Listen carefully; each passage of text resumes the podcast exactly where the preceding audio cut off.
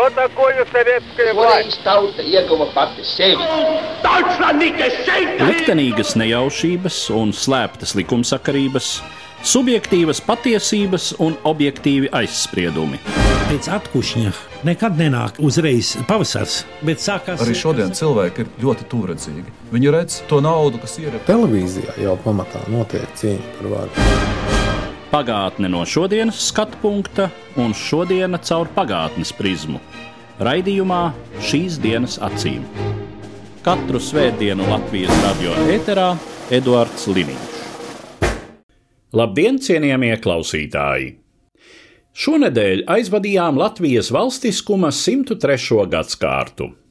Atzīmējot šo gada dienu, šodien vēlos pieminēt vairākas personības, kurām bijusi izšķiroša loma Latvijas suverēnā valstiskuma tapšanā un nostiprināšanā.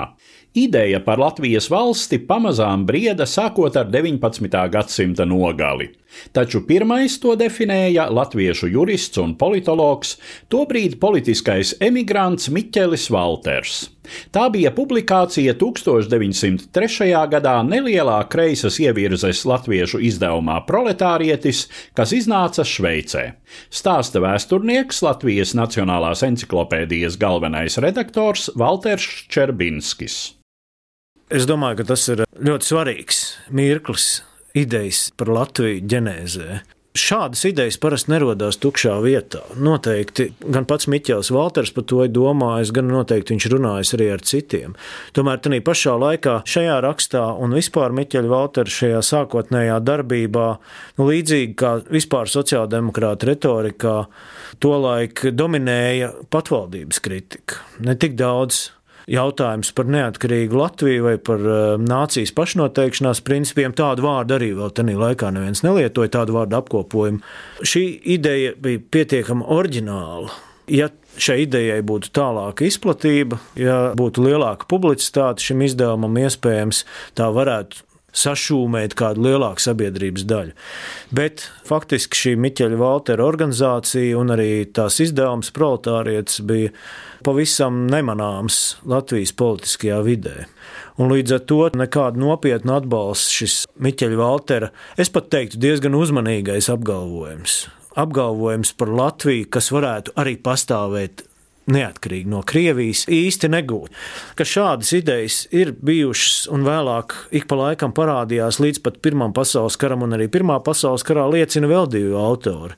Liecina mans jau pieminētais skujinieks un liecina arī Feliks Cilēns, kuri arī abi divi, ņemot vērā šos politiskos apstākļus, runāja par to, ka ir nepieciešams apvienot visas latviešu apdzīvotās zemes vienā teritorijā, nepieciešama kaut kāda pašvaldība īpaša, latviešu valodas loma loma un tā tālāk, vesela virkni jautājumiem. Bet publiski tas Miķeļa Valtera lielais nopelns ir, ka līdz mums saglabājies tas pirmais raksts, ko viņš uzrakstījis, un tas ir bijis publiski. Lai arī neviena nepamanīts, mazā, mazā auditorijā, tālā, tālā emigrācijā, bet tas bija pirmais. Vēlāk Latvijas neatkarības kara laikā Miķelim Valteram bija nozīmīga loma Kārļa Ulmaņa vadītās Latvijas pagaidu valdības darbā. Turpina Valters Čerbinskis. Nu, Miķelim Valteram bija ļoti svarīgs resurs. Viņš kļuva pagaidu valdībā par iekšlietu ministru. Un būtībā iekšlietu ministrijas uzdevums bija nodrošināt uh, valsts citu iestāžu funkcionēšanu ar drošības radīšanu, ar eh, policijas pārņemšanu no vācu okupācijas varas, ar eh, noziedzības izskaušanu un tā tālāk. Citi laika biedri raksta, ka iekšlietu resurs nav bijis tas mīļākais resurs Miķelim Valteram, un to var savā ziņā saprast, jo viņš vairāk bija teorētiķis, un šo Miķeļa Valtera kā personas, kā politiķa tādu divdaļīgumu ir pārmetuši daudzi viņa laika biedri atmiņās rakstot ka nu, Miķels Vāters tas jau bija teorētiķis. Viņš vairāk tādās teorētiskās kategorijās domāja par lietām, un bieži vien šīs teorētiskās lietas nesakrita ar to realitāti, kādā atradās valsts vai sabiedrība. Bet jebkurā gadījumā, vai Valteram patika vai nepatika iekšlietu ministra amats, Latvijas iekšējā drošība 19. gada laikā tika izveidota. Un neapšaubām šeit ir arī, protams, diezgan liels Miķeļa Valtera kā ministra panākums. Nu, ir vairāk lēmumu, kas ir svarīgi Miķeļa Valtera laikā pieņemti. Un viens no pazīstamākiem lēmumiem ar tālajošu nozīmi bija aizsarga klaušu dienesta izveide martā. Klaušu dienests neatkarības kara beigās beidz eksistēt un pakāpeniski pārveidojās par šo valsts dienestu aizsarga organizāciju. Tas bija ļoti nozīmīgs elements neatkarības kara laikā, kārtības izveidošanā, un tas bija ne tikai kriminogēnās situācijas apkarošanā, bet arī sabiedrības iesaistīšanā. Ja iesaista visus cilvēkus, kuri nevar piedalīties kardarbībā, viņi piedalās jaunās valsts pagaidu valdības dažādās aktivitātēs un paši nodrošina šo kārtību savos pagastos, un pēc tam, kad beidzās karš, Visiem šiem cilvēkiem ir pavisam savādāka attieksme pret valsti, pa kuru viņi ir cīnījušies, kuras labā viņi ir ziedojuši kaut ko, un tai valstī uzreiz ir cita vērtība. Līdzīgi Miķelim Valteram, Šveices trimdā ilgu laiku pavadīja arī sociāldemokrāts Jānis Pliekšāns, daudz plašāk pazīstams kā latviešu literatūras dižgars Rainis. Arī viņa darbība bija cieši saistīta ar latviešu nācijas pašnoteikšanās tiesību aizstāvību, sevišķi jau Pirmā pasaules kara kritiskajā situācijā. Par Raina politisko darbību Šveices trimdas periodā politoloģe Vita Matīsa un literatūrzinātniece Gundaga Grīnuma pirmā darbība, lai palīdzētu realizēt šo neatkarības ideju, tomēr notikās ap 1915. gadu Šveicē, tad, kad eh, Šveicē tika izveidota eh, Latviešu komiteja, kur priekšsēdētājs bija Rainis. Pēc jau pusotra gada darbības eh, Rainim bija diemžēl jākonstatē, ka šis mēģinājums izveidot tādu mazu Latvijas parlamentu Šveicē bija neveiksmīgs eksperiments tieši tam dēļ, ka nevarēja sadarboties dažādas politiskās pārliecības. Proti, nevarēja sadarboties sociāldemokrātiskais spārns, ko vispilgtāk pārstāvēja tā laika arī Šveices iedzīvotājs Feliks Cielēns, vēlāk eh, Latvijas ārlietu ministrs un buržuā vai birgelisko spārnu pārstāva Anna Ķēniņa. Un viņu rīvēšanās faktiski ir iemesls, kāpēc arī sabruk šis pirmais demokrātijas mēģinājums Šveicē, par ko starp citu ļoti brīnījās vietējie šveicieši, jo vietējie šveicieši ļoti, ļoti jauki sadarbojās Latvijas neatkarības un autonomijas idejas vārdā un brīnījās, kāpēc latviešiem tas, ko šveicieši var darīt latviešu labā, kāpēc latviešiem tas kaut kā neizdodas. Ja? Un šeit eh, man šķiet, ka Austa Krauza Ozoliņa, kas bija šīs komitejas, viņi arī pēc pusotra gada darbības konstatēja, ka šī latviešu nespēja sadarboties ir ļoti nožēlojama, un viņi izsaka tādu teikumu, ka šveicieši dažādo partiju cilvēku var apvienoties latviešu tautas pašnolemšanas prasību vārdā, mēs latvieši paši. Nē. Tas ir tāds skumjš akcents, bet runājot par tiem iemesliem. Es gribētu vēlreiz atgriezties mm. divus soļus iepriekš pie 1914. gada septembra situācijas, kad Eiropas kara momentā arī Rainis.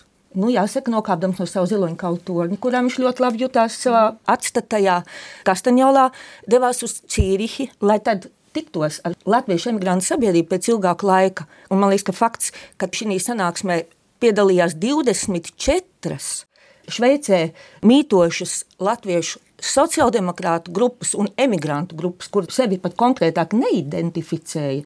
Lūk, tas tomēr arī ir diezgan pārliecinošs fakts, cik sašķelti bija arī savā politiskajā gribā. Nerunāt jau par dažādiem tādiem negatīviem momentiem, arī visādām savstarpējām konflikta situācijām. Šajos procesos arī cilvēciskiem faktoriem bieži vien bija ļoti liela nozīme. Ļoti nozīmīgs solis ceļā uz Latvijas valstiskumu bija Latviešu pagaidu Nacionālās padomes nodibināšana Valkā 1917. gada novembrī. Viens no šīs organizācijas dibinātājiem un tās vadītājs bija jurists Valdemārs Zamuēls. Stāsta Valkas novada domes priekšsēdētājs Vents Armants Krauklis. Tērbatas universitātē viņš iestājās arī Latvijas korporācijā. Un tur pulcējās tie cilvēki, kuriem jau pēc nosaukuma ir skaidrs, ka Latvija daudz ko nozīmē, bet viņš neaiziet tajā ļoti populārajā virzienā, kas 20. gadsimta sākumā latviešu inteliģencē ir kreisums viņš faktiski vienmēr ir bijis labēju uzskatu cilvēks, ar to viņš atšķīrās, un viņš faktiski iestājās pilsoniskoja kadetu partijā. Konstitucionāli demokrāti, bet nu, tautā viņus sauca par kadetiem, un 1905. gada revolūcijas laikā viņš ieņem tādu pozu, kas no šodienas acīm šķiet, varbūt būtu bijis pat daudz saprātīgāk. Mūža dedzināšanas un tas viss viņš to neatbalsta. Un, protams, līdz ar to viņam iznāk tāds zināms konflikts ar kopējo valdošo noskaņu inteliģences vidū, jo latviešu inteliģence kopumā ir ļoti kreisi. Un vispār Rietumē Eiropā tajā laikā inteliģenti cilvēki bija ļoti kreisi, bet neapšaubām viņš ir ļoti, ļoti liels Latvijas patriots. Un tādēļ 1906. gadā kopā ar otru juristu. Jo tolaik tiešām tā izglītotākā daļa arī Čakste bija jurists, arī Zemgals bija jurists. Fricija Albertu viņi sāk izdot dienas avīzi Latvija. Un viņš ir gan izdevējs, gan redaktors. Un tur viņš jau caur savu darbību cenšas tās idejas par to, ka latviešiem jāizstāv savas intereses, ka Latvijai ir savā darīšana. Nosaukums jau vien kaut ko izsaka. Valdemars Zāmols ir tas, kurš referē par satversmes sapulci. Ne par velti viņu arī pēc tam ievēl gan par satversmes sapulces sasaukšanas organizācijas komitejas vadītāju, gan pašas satversmes izstrādes grupas vadītāju. Bet arī interesanti ir tas, kā viņš nonāk par Latviešu Nacionālās padomes valdes priekšsēdētāju. Nav jau tā, ka viņš ir pirmais kandidāts. Pirmais kandidāts ir tomēr visu cienītais Jānis Čakste. Un Jānis Čakste saka, ka jā, viņš ļoti aktīvi piedalās, un viņš tiešām ir viens no redzamākajiem un nozīmīgākajiem Latvijas Nacionālās padomjas dalībniekiem, bet ka viņš ir eh, ļoti, ļoti aizņemts citās lietās, un ka viņš savu kandidātu atsauc. Tad izvirza šos valsts domniekus Goldmanu zālīti, jo viņi visus zina, viņi arī bijuši gan redzami organizatori, gan pirms tam strēlnieku pulks un tā tālāk. Viņiem ir arī sava autoritāte strēlnieku pulkos, bet tur atkal interesanti, ka viņi ir norunājuši savā starpā, ka viņi viens ar otru nekandidēs. Līdz ar to viņi atsauc savas kandidatūras vispār. Un tad vēl ir bēgļu apgādīšanas centrālās komitejas priekšsēdētājs Bergs, un tad tiek izvirzīts Valdemārs Zāmuēls. Un, starp citu, interesanti ir tas, ka tieši šīs piektā gada nostājas dēļ ir diezgan daudzi Nacionālās padomjas locekļi, kas uzstājās sākotnēji pret ka tomēr vajadzētu tādu, kas ir vairāk tajā tautas kopējā, angļuiski tas sauc par mainstream vai vadošo straubi vai vadošo virzienu.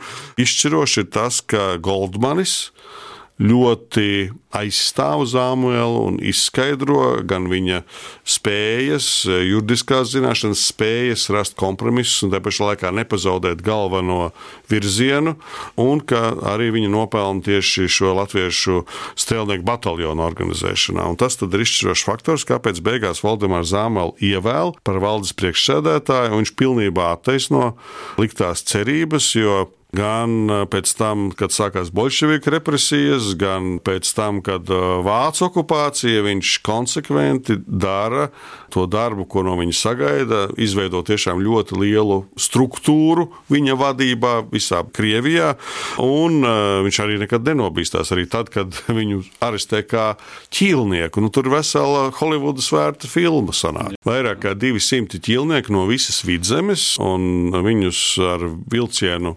tradicionāli lopu vagonos bez apkuras mīnus 15 grādos, veda uz Plaskavu. Bet, nu, protams, tā līdz galam vēl tobrīd bolševiki nebija iemācījušies tās represijas veikt tā apsardzība bija no latviešu strēlnieku puses. Viņi tomēr bija diezgan pieklājīgi, labi izglītoti cilvēki. Ļāva tur aiziet uz staciju, nopirkt tēju, jaunākos laikrakstus. Vispirms aizmuka visiem labi zināmais, tie, kas par vēsturi interesējās, mācītājs Niedra, kurš arī bija saņemts. Kurš bija šai ziņā jā, ļoti talantīgs. Jā, jā, viņš pēc tam muka jā, reizi vien. Jā. Un Zāmels arī saprot, ka tas risks tur galā, kad nebūs vairs tādu iespēju, viņš arī izlēma aizmukt.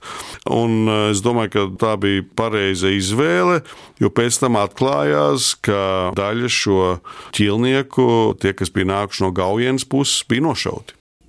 Ar Latviešu pagaidu Nacionālās padomes mandātu uz Rietumu Eiropu 1918. gadā devās tās ārlietu nodaļas vadītājs, vēlākais Latvijas ārlietu ministrs Zikfrīds Anna Meijerovics. Ar viņa darbību saistīta pirmā latviešu tautas pašnoteikšanās tiesību starptautiskā atzīšana - Britu ārlietu resora vadītāja Lorda Balfūra 1918. gada 11. novembra vēstulē.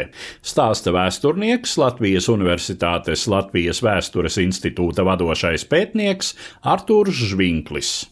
Latvijas de facto atzīšanu no Lielbritānijas Zifrīds Meijerovics panāca nedēļu pirms vispār tika proklamēta Latvijas valsts. Un tas ir tieši Meijerovica nopelns.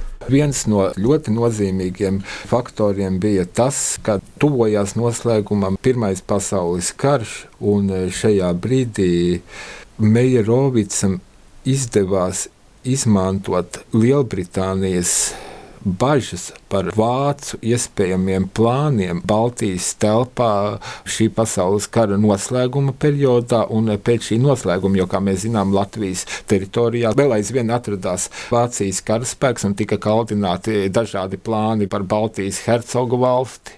Un, protams, ka Lielbritānija ar visu savu politisko atturību nevarēja šajā brīdī būt ieinteresēta šādā risinājumā. Nu, pāriesim tieši pie šī ceļa, kā Meijerovicam izdevās sasniegt šo de facto atzīšanu. Tas nebija viegli. Viņam nācās izturēt diezgan garu un ilgu sarunu. Vispirms jau ar Lielbritānijas ārlietu ministru Arturu Džeimsu Belfuru 1918. gada 23. oktobrī. Meijerovicam eh, tika uzdoti vairāki jautājumi. Tā skaitā viens no pirmajiem jautājumiem bija, kā Meijerovics un nākamā eh, iespējamā Latvijas vara raugās uz turpmākajām attiecībām. Un tika pat lietots vārds aliansi ar eh, nākamo Krieviju. Kādas būs šīs attiecības?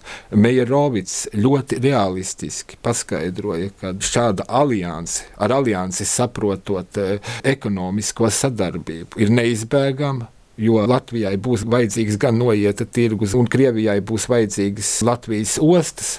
Un to gan viņš piebilda, ka ar anarchistisko, bolševistisko režīmu gan šāda sadarbība ir neiespējama. Nākamais jautājums, bloks, kas ļoti interesēja Anglijas ārlietu ministru, bija par to, cik spēcīgs ir lielnieku iespējas Latvijā, cik spēcīgs ir lielnieku iespējas latviešu strēlniekos Šeit Meijerovics paskaidroja, ka Latvijā lielnieku iespaida īpaši nesot.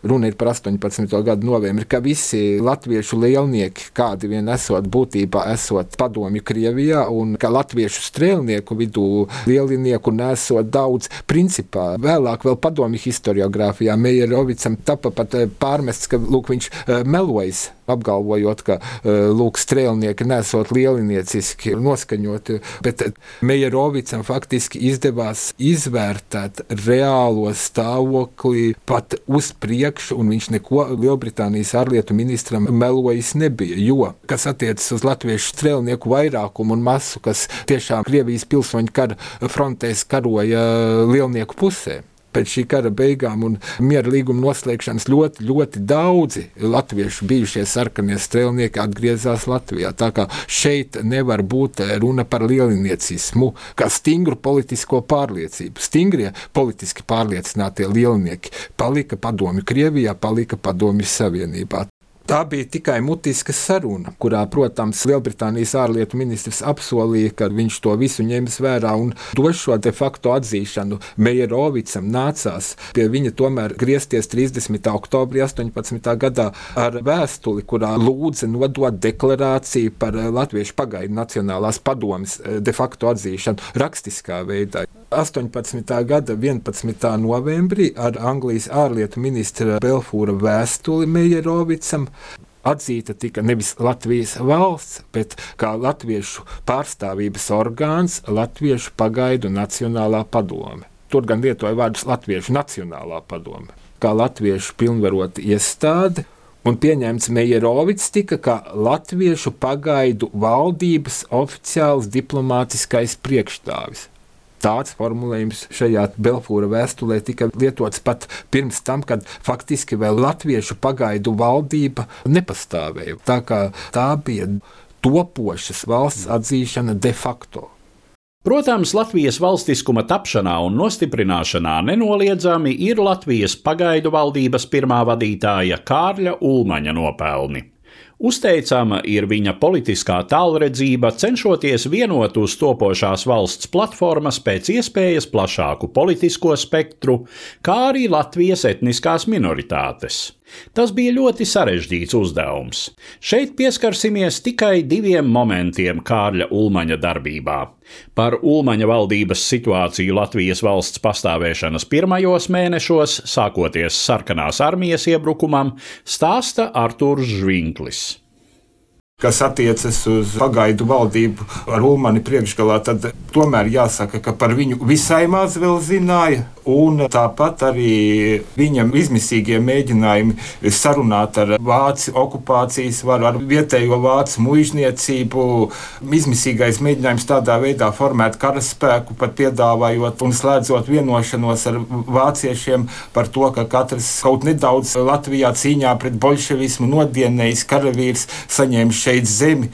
Tas viss radīja iespaidu, ka Ulmaņa valdība ir vismaz provāciska un diez vai uzskatāma par Latviju. Latvijas valdību kā tādu. To savā propagandā ļoti veikli un veiksmīgi izmantoja lielinieki. Tieši šī iemesla dēļ iezīmējās ļoti asas nesaskaņas starp pagaidu valdību, Ulmaņa, pilsonisko daļu tautas padomē un sociāldemokrātiem. Kā rezultātā sociāldemokrāti aizgāja no eh, tautas padomes, vājinot vēl vairāk šo priekšparlamentu politiski un lielā mērā atņemot jau kādu autoritāti. Protams, palika arī tas apstākļus, cik šī vara ir leģitīma, jo jautājums aizvien bija tas, ka sapulcējušies cilvēku kopa kas sevi uzdevuši par politiķiem, pasludinājuši, ka veido orgānu tautas padomi, pasludinājuši, ka šī tautas padome veido valdību. Nebija šī, te, un arī diemžēl nevarēja vēl, un ilgi nevarēs vēl būt šī leģitīma apstiprināšana, tātad tautas varas eh, dota mandāta šai valdībai. Tie ir tie apstākļi, kas jāņem vērā, kādā situācijā Ulmans atradās Liepājā un pagaidu valdība bija nokļuvusi šādā pavisam neapskaužamā stāvoklī. Puķis būtībā parādīja un skaidri parādīja, ka pagaidu valdību ar Ulmani priekšgalā nevar uzskatīt par eh, provācisku veidojumu, provācisku spēku, kas nav nekādi saskaņojams ar latviešu un Latvijas interesēm, jo galu galā apvērsumu veikušais Landesvērs un brīvības brīvkorpus, eh, bija eh, vācieši, un katram bija redzams, kas dara šo apvērsumu un pret ko notiek šis apvērsums. Ulmanis faktiski politiski ieguva, jo pagaidu valdība tika atbrīvota no pārmetuma, ka tā ir provāciska, ka tā ir saistīta ar vāciešiem un pilnīgi no viņiem atkarīga un dara to, ko viņi liek. Mēneši pēc 1919. gada aprīļa puča bija viskritiskākie Latvijas pagaidu valdībai un arī jaunajai Latvijas valstī kopumā. 1919. gada jūlijā pēc provācisko spēku sakāves cēsu kaujās pagaidu valdība varēja atgriezties Rīgā un sākt reālu valsts sistēmas veidošanu. Tomēr Latviju vēl gaidīja pārbaudījums 1919. gada rudenī sadursmē ar reakcionāro Pāvela Bermonta armiju. Arī šajā situācijā Kārlis Ulmanis sevi apliecināja kā drosmīgu un apņēmīgu valdības vadītāju. Stāsta vēsturnieks Walters Čerbinskis un vēsturniece Latvijas kara muzeja pētniece Barba Ekmane. Ir skaidrs, ka tās norises notika ļoti ātri tajā laikā, un komunikācijas iespējas bija ierobežotas. Tas ir viens, kas neļāva varbūt ļoti ātri pieņemt pareizus lēmumus. No otras puses, es domāju, ka uh, Ulmans un pagaidu valdība lielā mērā uzticējās bruņoto spēku vadībai. Šī militārā kompetence bija ļoti nodalīta. Un faktiski visa neatkarības kara laikā tāda tieša valdības mm. iejaukšanās militārās lietās nemaz nav rodama. Tas, ko darīja pagaidu valdības vadītājs, Ulmans bija viss cits, bet tikai ne militārais. Ar militāro nodarbojās cilvēki, kas šķietami to saprata vislabāk, kas zināja, kas plānoja militārās operācijas un tā tālāk. Jāsaka, gan, ka es tagad nepateikšu precīzu datumu, bet tieši saistībā ar Bermudas sākumu Ulmans uzņemās arī apsardzības ministra amatu, kas viņam palīdz būt vairāk iesaistītam.